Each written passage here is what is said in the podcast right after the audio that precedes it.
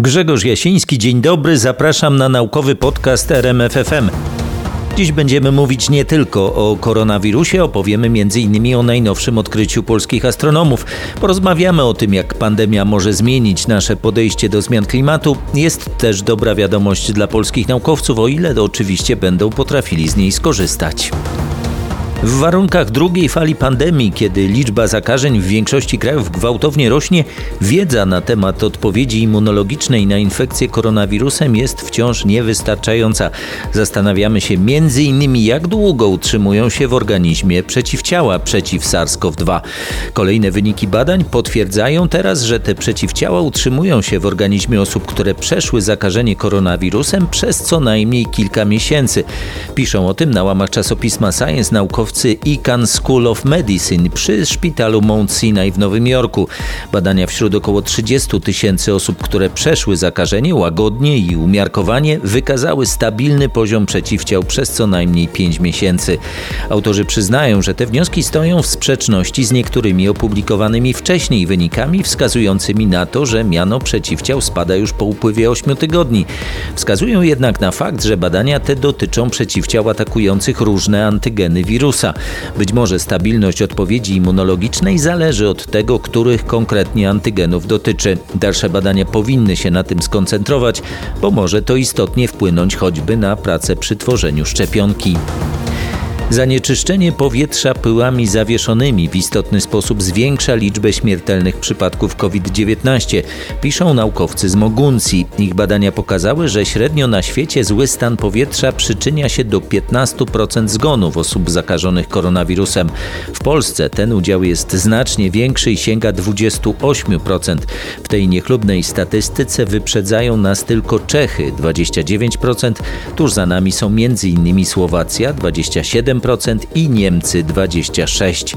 Autorzy pracy przekonują, że pewnej części przypadków śmierci na COVID-19 można byłoby uniknąć, gdyby populacja danego kraju nie była narażona na zanieczyszczenia powietrza związane z działalnością człowieka, w tym na przykład spalaniem paliw kopalnych. Naukowcy podkreślają, że nie mają dowodu na bezpośrednie wynikanie śmiertelności z poziomu zanieczyszczeń, choć nie można go też wykluczyć.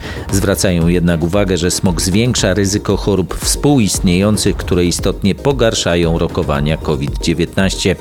Gdy wdychamy powietrze zawierające wiele drobnych cząsteczek pyłu zawieszonego PM2,5, cząstki te z płuc trafiają do krwi i naczyń krwionośnych, powodując procesy zapalne i stres oksydacyjny. To przyczynia się do uszkodzenia śródbłonka, zwężania się i sztywnienia tych naczyń. Koronawirus też wnika do organizmu przez płuca i podobnie atakuje śródbłonek naczyń. Jeśli wpływ zanieczyszczenia powietrza i zakażenia zakażenia koronawirusem się na siebie nałoży, kumulują uszkodzenia naczyń krwionośnych, które mogą przyczyniać się do zaburzeń pracy serca i udarów. Już wcześniejsze prace pokazywały, że pyły zawieszone mogą zwiększać zdolność transmisji wirusa w powietrzu. Na tym jednak nie koniec. Wygląda też na to, że pyły te zwiększają jeszcze aktywność receptorów ACE2, które mają kluczowe znaczenie przy wnikaniu wirusa SARS-CoV-2 do wnętrza komórek. To jakby podwójne uderzenie. Pyły uszkadzają płuca i jeszcze zwiększają zdolność wirusa do wnikania do ich komórek. U nawet 80% pacjentów chorych na COVID-19 stwierdza się niedobór witaminy D, twierdzą naukowcy z Uniwersytetu Cantabrii w Santander. Wyniki ich badań wskazują przy tym, że ów niedobór jest częściej obserwowany u mężczyzn. Autorzy pracy zwracają uwagę na wcześniejsze doniesienia o tym, że witamina D ma istotne znaczenie dla prawidłowej pracy układu immunologicznego. Witamina D to wytwarzany pod wpływem promieniowania słonecznego i wchłaniany z pożywieniem enzym, który pobudza pobudza procesy wchłaniania wapnia i fosforu, mając m.in. istotny wpływ na prawidłową budowę kości. Badania naukowe wskazują, że niedobór witaminy D może mieć zły wpływ na działanie m.in. układu krążenia, może przyczyniać się do stanów alergicznych i cukrzycy. Wiadomo przy tym również, że bardzo szkodliwy może być nadmiar witaminy D, dlatego zwraca się szczególną uwagę na to, by przy przyjmowaniu zawierających witaminę D preparatów nie przekraczać zalecanej dawki. Uważamy, że niedobór witaminy witaminy D powinien być diagnozowany i korygowany, szczególnie u osób silnie zagrożonych ciężkim przebiegiem COVID-19, czyli osób starszych, cierpiących na choroby współistniejące czy pensjonariuszy domów opieki społecznej, przekonują autorzy najnowszych badań. Ale i tu kontrowersji nie brakuje. We wrześniu na łamach czasopisma PLOS ONE pojawiły się doniesienia o tym, że witamina D może chronić przed poważnym przebiegiem COVID-19. Czasopismo opublikowało właśnie komentarz, który stawia tamte wyniki pod znakiem zapytania. Redakcja zwraca uwagę na to, że autorzy mogli wyciągnąć zbyt daleko idące wnioski w dziedzinie, która przekraczała ich kompetencje. Być może recenzja tamtego artykułu była po prostu zbyt pobieżna. Autorzy z Teheranu i Bostonu też wzywali do uzupełnienia niedoboru witaminy D. Ich stwierdzenia o tym, jak bardzo może to poprawić rokowania pacjentów z COVID-19 wydają się jednak przesadzone. Na domiar złego, mimo że autorzy deklarowali brak sprzecznych interesów, okazało się, że w przypadku jednego z nich takie sprzeczne interesy mogą istnieć. Po wyjaśnieniach autorów sprawa będzie dalej analizowana, a my cóż, pilnujmy się w pochmurne dni, by mieć witaminy D więcej, byle nie za dużo. Jeśli pojawią się wreszcie szczepionki przeciw koronawirusowi, kraje bogate powinny finansować je i przekazywać także krajom biednym. Ewentualny nacjonalizm w podejściu do szczepień się światu po prostu nie opłaci i zdrowotnie, i ekonomicznie. Przekonują o tym w najnowszym raporcie eksperci organizacji Rand Europe. Zatrzymanie przez bogatych szczepionek tylko dla siebie mogłoby kosztować światową gospodarkę nawet bilion 200 miliardów dolarów. Kiedy będą szczepionki? Na przełomie roku, na wiosnę tego wciąż nie wiemy. Badania opinii publicznej pokazują jednak, że rozumiemy, iż najpierw powinny trafić do najbardziej zagrożonych osób starszych i obciążonych innymi chorobami. To przynajmniej optymistyczne. Polscy astronomowie z Uniwersytetu Warszawskiego odkryli wyjątkową planetę. To najmniejsza ze znanych do tej pory planet swobodnych, takich bezpańskich, czyli nie krążących wokół żadnej gwiazdy. Opowiada mi o tym odkryciu profesor Andrzej Udalski, szef projektu OGLE, który do poszukiwania takich planet wykorzystuje metodę mikrosoczewkowania grawitacyjnego. Pierwsze próby poszukiwania planet swobodnych e, miały miejsce na początku tej dekady, natomiast tak naprawdę e, takie bardzo precyzyjne informacje o tych specyficznych e, planetach pozasłonecznych uzyskaliśmy dosłownie kilka lat temu. Po prostu koniecznie było zebranie odpowiednio precyzyjnego i odpowiednio długiego materiału obserwacyjnego i dopiero teraz w ostatnich latach było to możliwe. I y, rzeczywiście znaleźliśmy y, wyraźne znaki, że takich planet swobodnych, takich rodem z science fiction, które, które po prostu płyną w naszej galaktyce samodzielnie, bez swoich macierzystych gwiazd, powinno być zupełnie dużo, zwłaszcza takich e, obiektów o masach małych. Nie tak jak na samym początku się wydawało wszystkich planet, zwłaszcza masywnych, powiedzmy takich jak Jowisz, a przede wszystkim właśnie powinno być dużo mm, takich planet podobnych do Ziemi. No i teraz udało nam się znaleźć e, obiekt, który jest najmniejszy z tej kategorii planet swobodnych, obiekt o najmniejszej masie. E, ta masa no, nie jest do końca e, bardzo precyzyjnie określona, ale z pewnością wielką możemy powiedzieć, że jest to obiekt o masie mniejszej niż masa Ziemi, najprawdopodobniej e, o masie zbliżonej do masy Marsa, więc bardzo, bardzo małe, małe, małe, mała planeta. No i wiemy, że z obserwacji nie widzimy gwiazdy macierzystej w dużych odległościach od tej planety, więc y, no, znów ogromne prawdopodobieństwo, że jest to właśnie taka płynąca po drodze mlecznej planeta swobodna. Y, wszystko na to wskazuje. Posługujecie się Państwo techniką mikrosoczewkowania. Mieliśmy okazję o niej y, parokrotnie rozmawiać, ale bardzo proszę pokrótce wyjaśnić, na czym polega. To jest bardzo specyficzna metoda, taka może mało intuicyjna, ale polega na e, rejestracji efektów pośrednich e, wpływu e, grawitacyjnego obiektu, który badamy, na światło przechodzące w pobliżu niego. Światło, zgodnie z teorią Einsteina, ulega ugięciu. I jeśli obserwujemy odległą gwiazdę i między nami a tą gwiazdą przechodzi obiekt o pewnej masie, może on uginać promienie od tego odległego obiektu i powodować wzmocnienie działa po prostu jak soczewka, stąd nazwa. Jeśli mamy do czynienia z pojedynczym obiektem, wówczas y, po prostu mamy charakterystyczne zmiany blasku tego odległego obiektu, tak charakterystyczne, że można je powiedzmy po latach doświadczeń łatwo odróżnić od innych zmienności y, gwiazd. Jeśli obiekt jest podwójny, ma układ planetarny, jest to gwiazda z układem planetarnym, wówczas mamy dodatkowe efekty i możemy dzięki temu badać układy planetarne, tak zwane planety mikrosoczewkowe. W przypadku y, planet swobodnych oczywiście nie ma tej centralnej gwiazdy, więc mamy do czynienia z pojedynczą gwiazdą, więc tutaj jest sprawa stosunkowo prosta. Mm, ta, ta zmian, zmienność y, obserwowanej gwiazdy jest stosunkowo łatwa do modelowania. Co ciekawe, na podstawie rejestracji tego sygnału i jego charakterystyki można oceniać masę obiektu. Yy, proszę dokładniej nam wytłumaczyć, jak to działa. Tak, i to jest e, najważniejsza cecha tej metody, dlatego że po prostu możemy za jej pomocą badać obiekty, które nie świecą właśnie takie planety swobodne. Planety swobodne y, oderwane od swoich macierzystych y, układów y, planetarnych, których najprawdopodobniej powstały albo wyrwane na skutek przejścia obok układu planetarnego sąsiedniej gwiazdy, co się zdarza rzadko, ale się zdarza oczywiście, bo gwiazd jest bardzo dużo w naszej drodze mlecznej. Y, oczywiście takie planety praktycznie nie emitują promieniowania elektromagnetycznego. I gdybyśmy próbowali je znaleźć standardowymi metodami, no szanse są zerowe. Natomiast y, zjawisko mikrosoczewkowania polega na tym, że właśnie dzięki grawitacji, czyli dzięki masie obiektu, y, światło ulega zagięciu, w związku z czym obserwując ten efekt możemy oszacować jaka jest masa tej soczewki, no i w ten sposób widzimy, że ten, ten nasz obiekt właśnie ma masę tak niewielką jak masa Ziemi i stąd nasze wnioski dotyczące y, tego obiektu, który właśnie ogłaszamy. Nie mamy obok tej potężnej lampy, jaką jest jasno świecąca gwiazda. Czy w związku z tym y, pan profesor widzi szansę, że ta planeta mm, będzie teraz obiektem y, badań, obserwacji, przyniesie jakieś nowe informacje?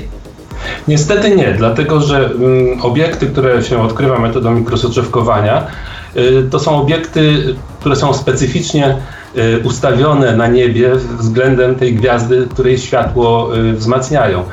E, żeby rzeczywiście można je kolejny raz obserwować, musiałby przejść koło innej gwiazdy, a niestety niebo jest na tyle puste, że szansa na kolejne spotkanie z e, inną taką gwiazdą tła, którą mogłyby mm, soczewkować, jest praktycznie zerowa, więc, więc no nie ma szans na dodatkowe, dodatkowe badania. Co więcej, jeśli to jest planeta swobodna, to, to tak jak wspominałem, ona nie emituje promieniowania takiego zwykłego, nazwijmy optycznego czy też elektromagnetycznego, więc y, no niestety mm, takie dodatkowe obserwacje nie są możliwe, stąd też y, wynika konieczność jak najdokładniejszych obserwacji w tym momencie, gdy zjawisko zachodzi. Czyli to jest taki moment, że widzimy, że coś się dzieje i, i obserwacje powinny wtedy być jak najdokładniejsze. To się oczywiście czasami zdarza, czasami się nie udaje dokładnie e, wyobserwować danego obiektu. W tym przypadku na przykład troszkę mieliśmy pecha, dlatego że e, ten obiekt, który był wzmacniany, był położony koło takiego pola na niebie, które było bardzo intensywnie w tym właśnie czasie dokładnie, bo to odkrycie pochodzi z 2016 roku, było obserwowane przez całą galerię teleskopów na Ziemi oraz przez teleskop Spicera znajdujący się zupełnie po drugiej stronie Słońca. I gdybyś było więcej szczęścia, to właśnie te, ten obiekt byłby obserwowany nie tylko z Ziemi, ale i z kosmosu i pewnie by można jeszcze więcej o nim powiedzieć. Natomiast no niestety zawsze jest tak, że nie wszystko gra. Na ile informacje o tych y, planetach swobodnych, pewna statystyka tych planet, którą Państwo już y, macie, pomaga nam lepiej zrozumieć procesy tworzenia się planet i, i losy układów planetarnych, y, procesy, w których te, te planety mogą być wyrzucane poza takie układy planetarne? Y, w tej chwili jeszcze cały czas y, to pole raczkuje, można powiedzieć. Ten obiekt jest dopiero którymś, y, no raczej jednym z pierwszych kilku, kilkunastu obiektów tego typu odkrytych. No, on jest szczególny, bo ma najmniejszą masę, no ale, ale podobne planety już znajdowaliśmy od dwóch, trzech lat. I no, te statystyki będą zwiększane, ale tak naprawdę Prawdziwa rewolucja najprawdopodobniej nastąpi y, dopiero za kilka lat, gdy mm, wystartuje misja kosmiczna teleskopu o, o nazwie teleskop Roman. dawniej W-FIRST i ten teleskop będzie między innymi obserwował z kosmosu, czyli z miejsca, które nie jest zakłócone przez atmosferę ziemską, właśnie mikrosoczewki i najprawdopodobniej takich krótkoczasowych obiektów, czyli o krótkim czasie trwania, takich jak ta nasza dzisiejsza planeta, znajdzie dużo, dużo więcej. Y, wówczas mając takie statystyki już nie powiedzmy 10 obiektów, a setek, będzie oczywiście dużo precyzyjniej można stwierdzić, jak często mm, dochodzi do efektu wyrzucania planet z układów y, planetarnych, czy rzeczywiście jest to proces y, częsty, czy, czy, czy niekoniecznie. Mm, a być może poznamy inne mechanizmy ich powstawania. Zespołowi profesora Andrzeja Udalskiego życzę dalszych sukcesów. Pandemia koronawirusa może nas skłonić do działań doraźnych, podczas gdy w walce z ociepleniem klimatu potrzebujemy fundamentalnych zmian.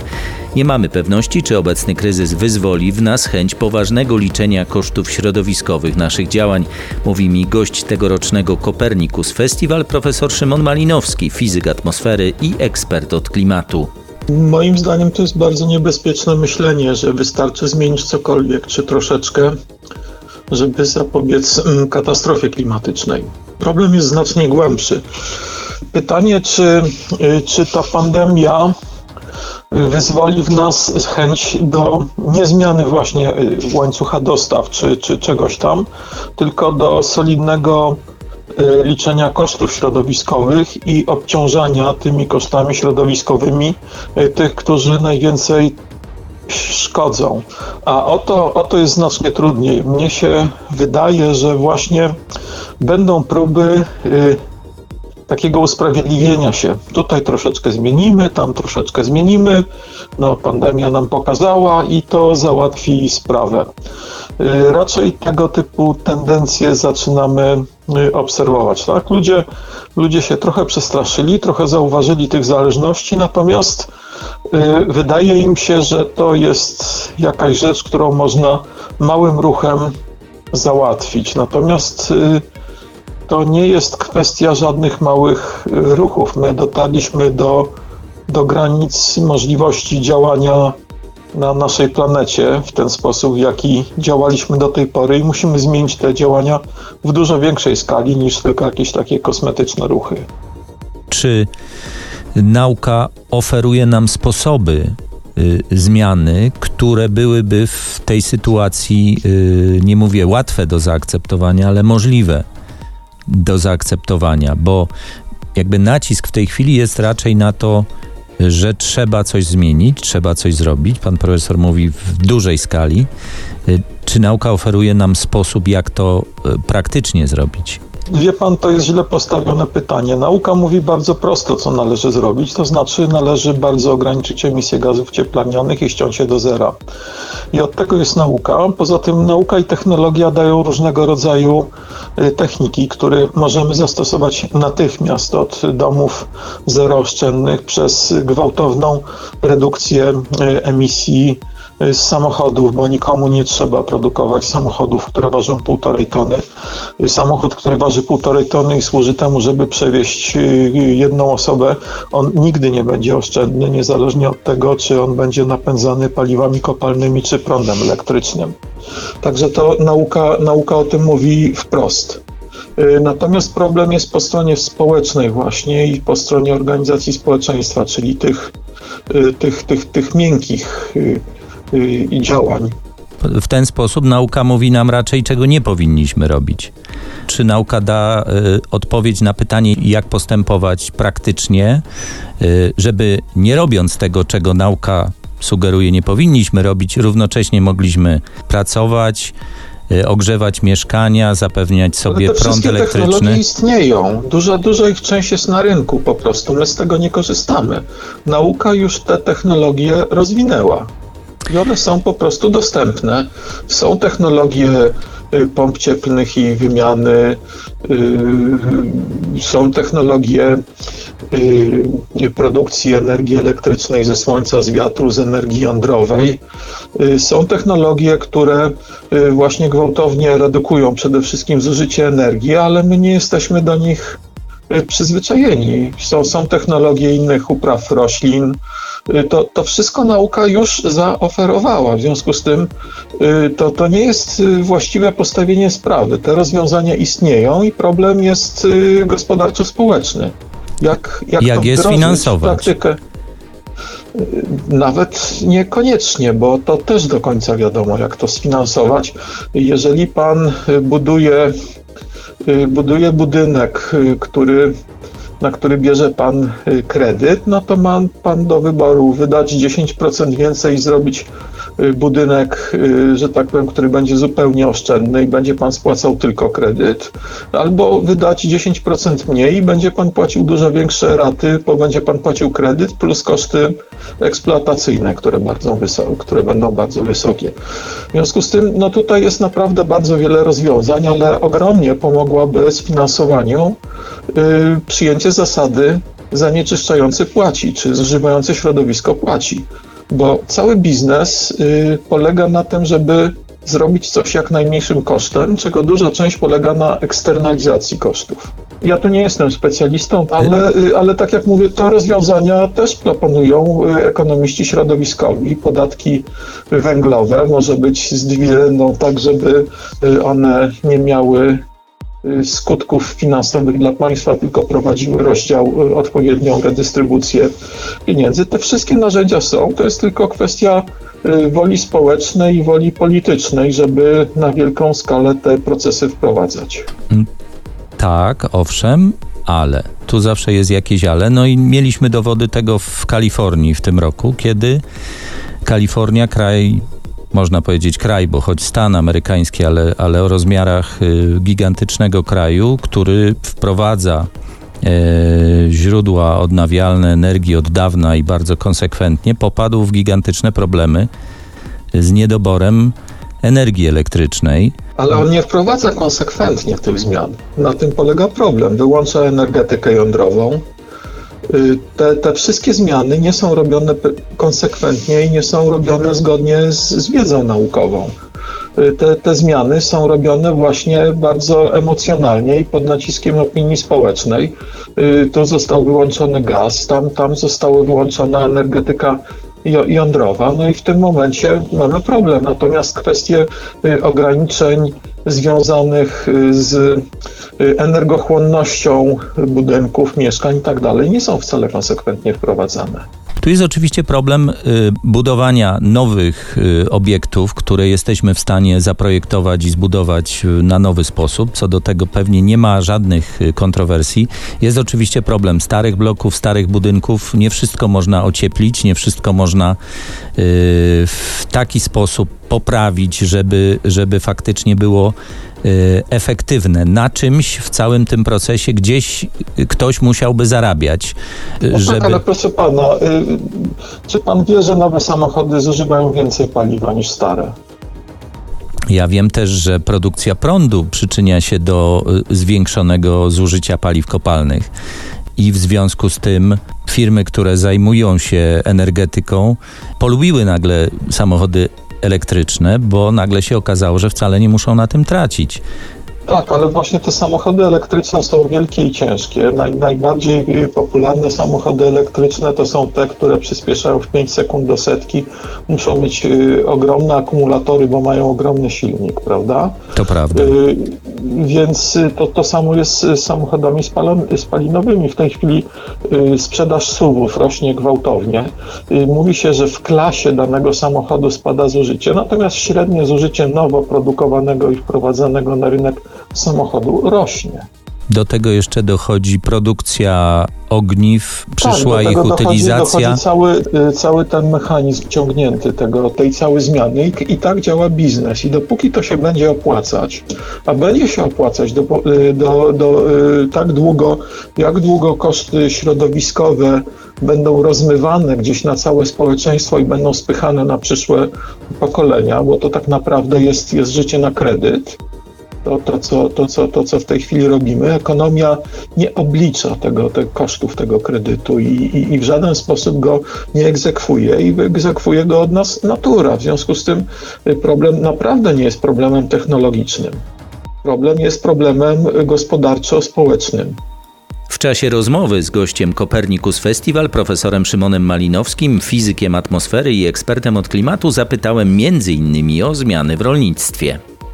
No, natychmiast przestanie się opłacać hodowla, a rolnictwo będzie cały czas dla nas potrzebne, bo będzie potrzeba wytwarzania różnego rodzaju produktów. Rolnictwo się y, uratuje, no bo y, nie będzie już taniej konkurencji żywności z bardzo dalekich y, krajów i odległości. Będziemy produkować to, co zjadamy, zjadamy na, na miejscu. Będziemy produkować przy trochę większym nakładzie Y, pracy, więc będzie musiał przy tym pracować troszeczkę więcej osób. Ceny żywności y, prawdopodobnie nieco, nieco, nieco wzrosną, natomiast być może spadną y, ceny wielu, wielu usług, które nie są związane z wielkimi emisjami.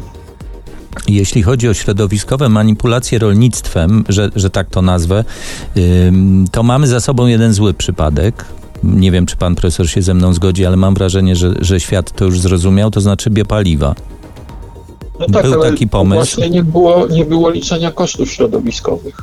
Mm, ale biopaliwa i, i, i ta, nazwałbym ją nawet y, wtopą, y, pokazała, że y, takie szczytne idee, pomysły, które powiedzmy na pierwszy rzut oka są, są bardzo atrakcyjne, czyli lejemy olej roślinny do samochodu i, i jest dobrze, jest taniej i jest bardziej ekologicznie, okazały się fatalne dla środowiska, okazały się też fatalne dla ludzi, bo przyczyniły się do podniesienia e, e, kosztów żywności i to szczególnie w tych rejonach, gdzie ludzie są najbiedniejsi. Ale wie pan, no to taka klasyczna, że tak powiem, taki klasyczny greenwashing, prawda? E, działalność zastępcza. To fakt, że, że tak powiem, popularne zrobiło się twierdzenie, że, że to jest dobre dla środowiska, to nie znaczy, że bardzo wiele osób nie ostrzegało od tym Y, od, od początku. My, my rozróżnimy troszeczkę, że tak powiem, y, y, stan wiedzy naukowej od, że tak powiem, tego, co łatwo i przyjemnie jest zareklamować. My jesteśmy niewolnikami reklamy. Za, zareklamowano o fantastyczne rozwiązanie, rolnictwo się jeszcze dodatkowo na tym wzbogaci. Natomiast y, no, specjaliści od bioróżnorodności i od innych dziedzin byli wzwani, że, że ta sprawa jest y, y, z góry fałszywa. No, tak samo jak spalanie biomasy w elektrowniach. Tak, czasami słyszymy reklamy pieców na pelet, walce o czyste powietrze i tak dalej, i tak dalej, ale no nie dajmy się zwariować, no to jest, to jest po prostu y, pranie mózgów, jakim, jakie, jakie doznajemy z tego powodu, że to są te metody eksternalizacji kosztów właśnie. Tylko za tymi metodami y, poszła, y, poszło też prawodawstwo, poszli politycy, prawda? Bo wprowadzono, wymuszono y, nawet w niektórych miejscach określoną dolewkę biopaliwa do, do paliw klasycznych.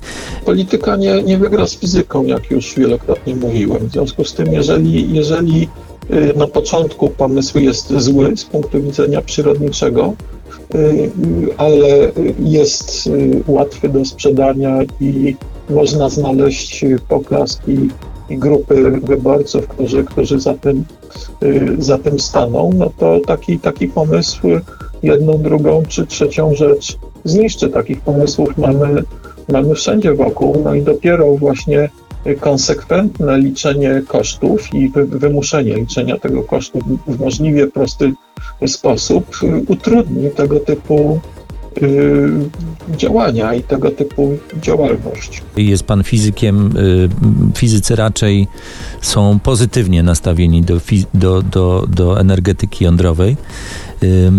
Powinniśmy zbudować tę te, te elektrownię y, jądrową, żeby zabezpieczyć się przed wahaniami Y, dostępu do, do odnawialnych y, źródeł energii, na które rozumiem też będziemy stawiać, bo, bo, bo tych paneli słonecznych na dachach jest coraz więcej, wiatraków też ma być coraz więcej na Bałtyku.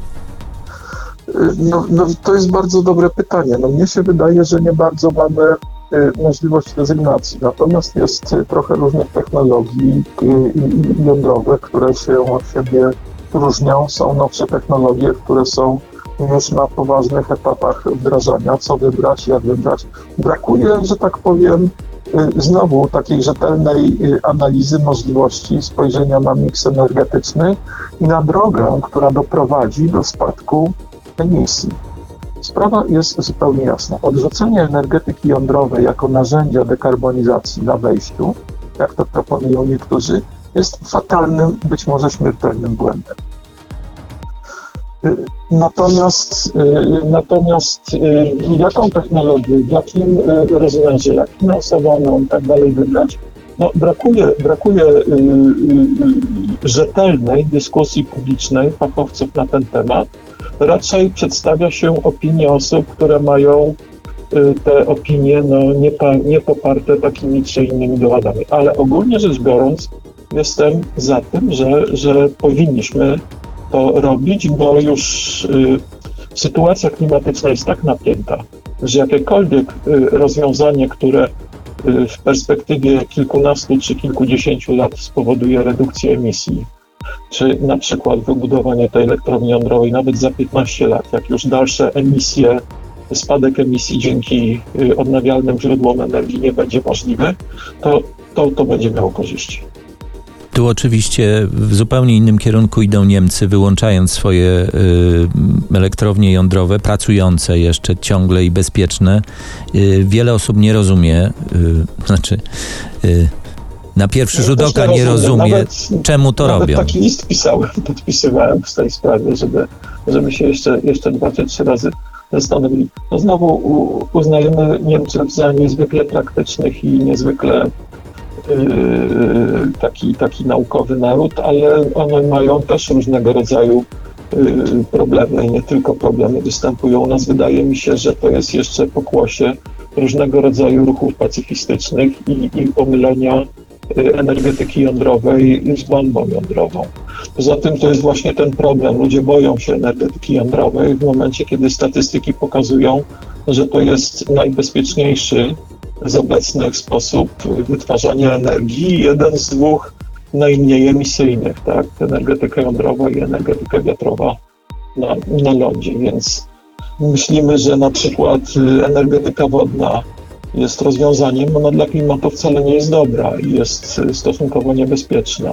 Te wszystkie rozwiązania, które są potrzebne do wprowadzenia, są w zasięgu ręki, są możliwe i jest dużo prac, które pokazują, że możliwe jest wprowadzenie dużej części tych rozwiązań, które niekoniecznie prowadzi do, do spadku jakości życia, natomiast wymaga zmiany naszych przyzwyczajeń.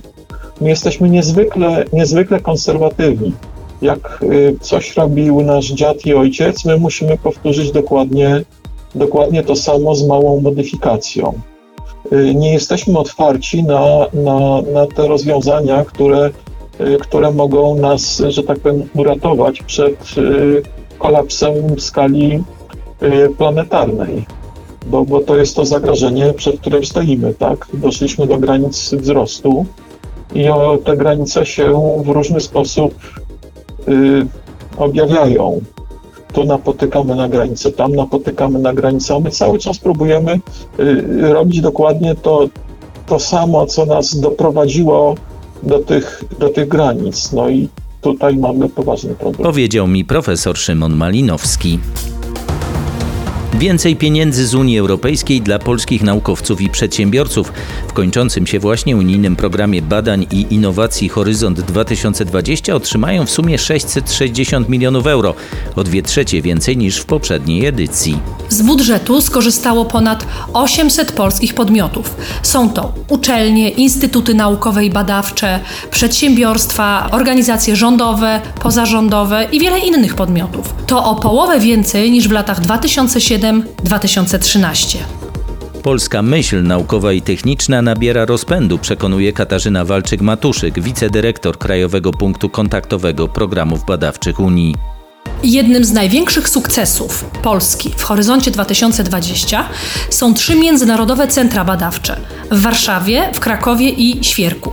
E, stworzyły je trzy polskie instytucje: Akademia Górniczo-Hutnicza, Sieć Badawcza Łukasiewicz, Instytut Technologii Materiałów Elektronicznych oraz Narodowe Centrum Badań Jądrowych. To 45 milionów euro na rozwój polskiej technologii w zakresie e, badań medycznych, nanotechnologii, przemysłu jądrowego, chemicznego i materiałowego. Ja powiem tylko tyle, oby te pieniądze udało się z jak największym dla nas pożytkiem wykorzystać. Tyle na dziś. Trzymajmy się zdrowo. Zapraszam na kolejny naukowy podcast RMFFM. Do usłyszenia.